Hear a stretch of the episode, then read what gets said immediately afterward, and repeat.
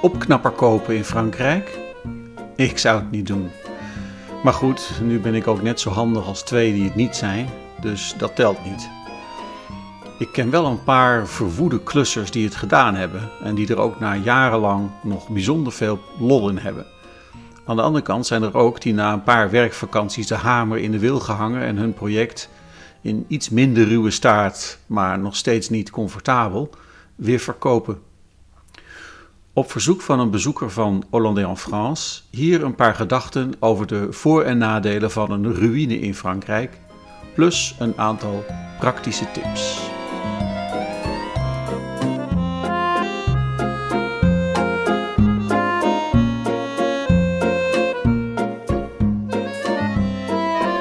Laten we bij het begin beginnen. Waar vind je een mooie opknapper in Frankrijk en wat kost een opknapper? Het zijn twee vragen die je net zo goed niet kunt stellen, want de antwoorden zijn eindeloos gevarieerd. Opknappers vind je overal, maar een bijna bewoonbare boerderij in het midden van Frankrijk is goedkoper dan een door geiten uitgewoonde schuur nabij de Middellandse Zee. Je moet gewoon eerst bedenken waar je wil wonen en daar dan een beetje rond gaan kijken. Ik zou dan in eerste instantie makelaars mijden als de pest. Die zijn helemaal niet geïnteresseerd in de verkoop van een pittoresk krot. En als ze het toch doen, vragen ze 10% of zelfs meer commissie om nog een beetje uit de kosten te komen. Dit bovenop de relatief hoge notariskosten in een lagere prijsklasse. Ga liever zelf zoeken, met mensen praten, rondkijken. Mijn eigen huis heb ik gevonden door gewoon met de auto kleine weggetjes in te gaan, niet wetende waar ze toe leidden. Kriskras door de landerijen. Het huis stond verscholen tussen de bomen, ergens achteraf, aan het eind van een nauwelijks begaanbaar karrespoor.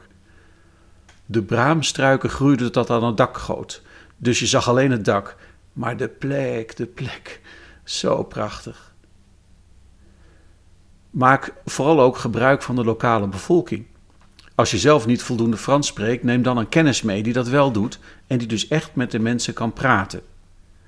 Als je in het Engels hakkelend een gesprek probeert aan te knopen met de Franse kroegbaas en zijn gasten, loop je grote kans dat je bot vangt. De mensen die het meest over de buurt weten, het zijn vaak gepensioneerde boeren en postbodes, spreken het minst over de grens en mompelen rond een klapperend ziekenfondsgebitje vaak ook nog het lokale dialect. Dus een beetje Frans moet je wel meebrengen. En als je dan gewoon op de man af kunt zeggen: Ik vind het hier zo mooi, ik wil hier wel elke vakantie komen. Daarom zoek ik een huisje om op te knappen in deze buurt. Kent u niet iemand die iets te koop aanbiedt? Dan is de kans groot dat je met een paar kroegen beet hebt. Je moet natuurlijk geen haast hebben en rustig een glaasje meedrinken voor je de bevolking aan een kruisverhoor onderwerpt. Zo wordt het zoekproces nog gezellig ook. Spreek wel, trouwens wel af wie er rijdt, want de blaastest is ook in Frankrijk steeds populairder. Oké, stel je hebt een ruïne of een stuk grond gevonden dat je wilt kopen.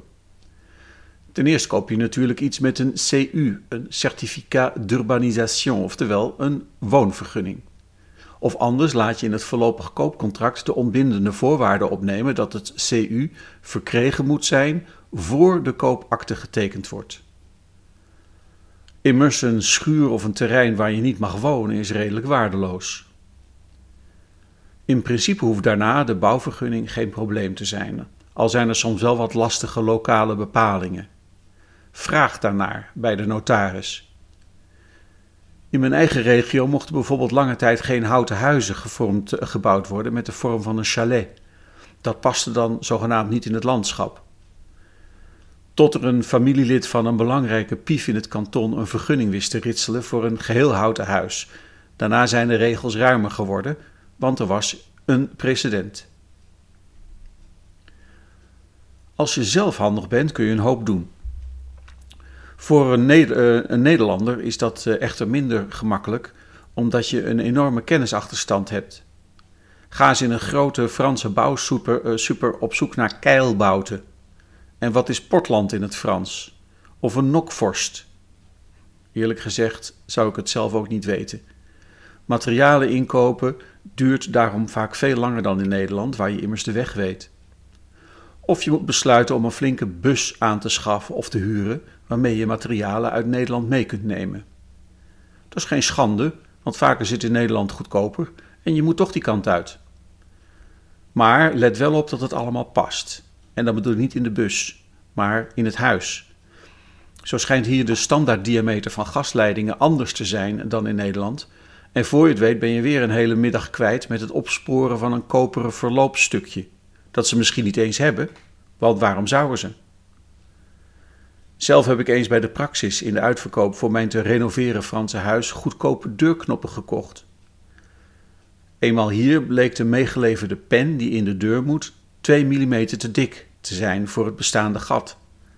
Moest ik nieuwe, dunnere pennen gaan kopen, plus verdikkingshulsjes voor in de knoppen, die samen bijna net zo, zo duur bleken als de hele deurknop. Mijn winst in één keer verdampt. Maar goed, zoals gezegd, eh, ik ben dan ook geen klusser. Als je geen haast hebt en wel plezier hebt in het proces, dan is verbouwen misschien zelfs een louterende ervaring. Wie weet. Een kennis van mij woont in een vrijstaand huis midden in een bos zonder water of elektriciteitsaansluiting. Er is een grote tank voor de opslag van regenwater, alleen voor het grijze circuit natuurlijk, en ze drinken water uit flessen. Verder staat er een benzinegenerator die hij met veel kunst en vliegwerk aan de praat houdt. Elke keer als het onweert op die berg is dat ding naar de bliksem. Het is behelpen, maar hij vindt het gewoon leuk om dit soort dingen op te lossen. Ja, dan kan het. De prijzen voor onroerend goed blijven maar stijgen. Dit geldt ook voor de echte opknappers en voor bouwgrond. In sommige regio's lopen de huizenprijzen echter achter op de trend. Daar kan de stijging best nog even doorgaan, ook al omdat nog steeds veel mensen uit de stad trekken en van de TGV-verbindingen gebruik maken om op het platteland te gaan wonen. De coronacrisis speelt hierin natuurlijk ook een rol. Ook in Frankrijk gaan steeds meer mensen telewerken. Al zetten op machtbeluste afdelingschefs nog zo hun hakken in het zand. Als mensen hun veel te dure huis in de stad dan verkopen, kunnen ze met de winst een flinke deuk slaan à la campagne. Dus ook dat jaagt de prijzen op. Is het überhaupt realistisch om zelf te willen verbouwen? Ja, dan hangt alles natuurlijk af van je eigen verwachtingen, je mogelijkheden en je inzet. En van die van je gezinsgenoten. Een puber van 15 krijg je niet meer drie weken naar een afgelegen bouwplek tussen de boeren. Maar ik zie om me heen wel degelijk mensen die eigenhandig en met behulp van buren, familie en vrienden een bouwval stukje bij beetje omtoveren in een paleisje. Die kunnen er in ieder geval zeker van zijn dat elke euro die ze erin steken er dubbel en dwars uitkomt.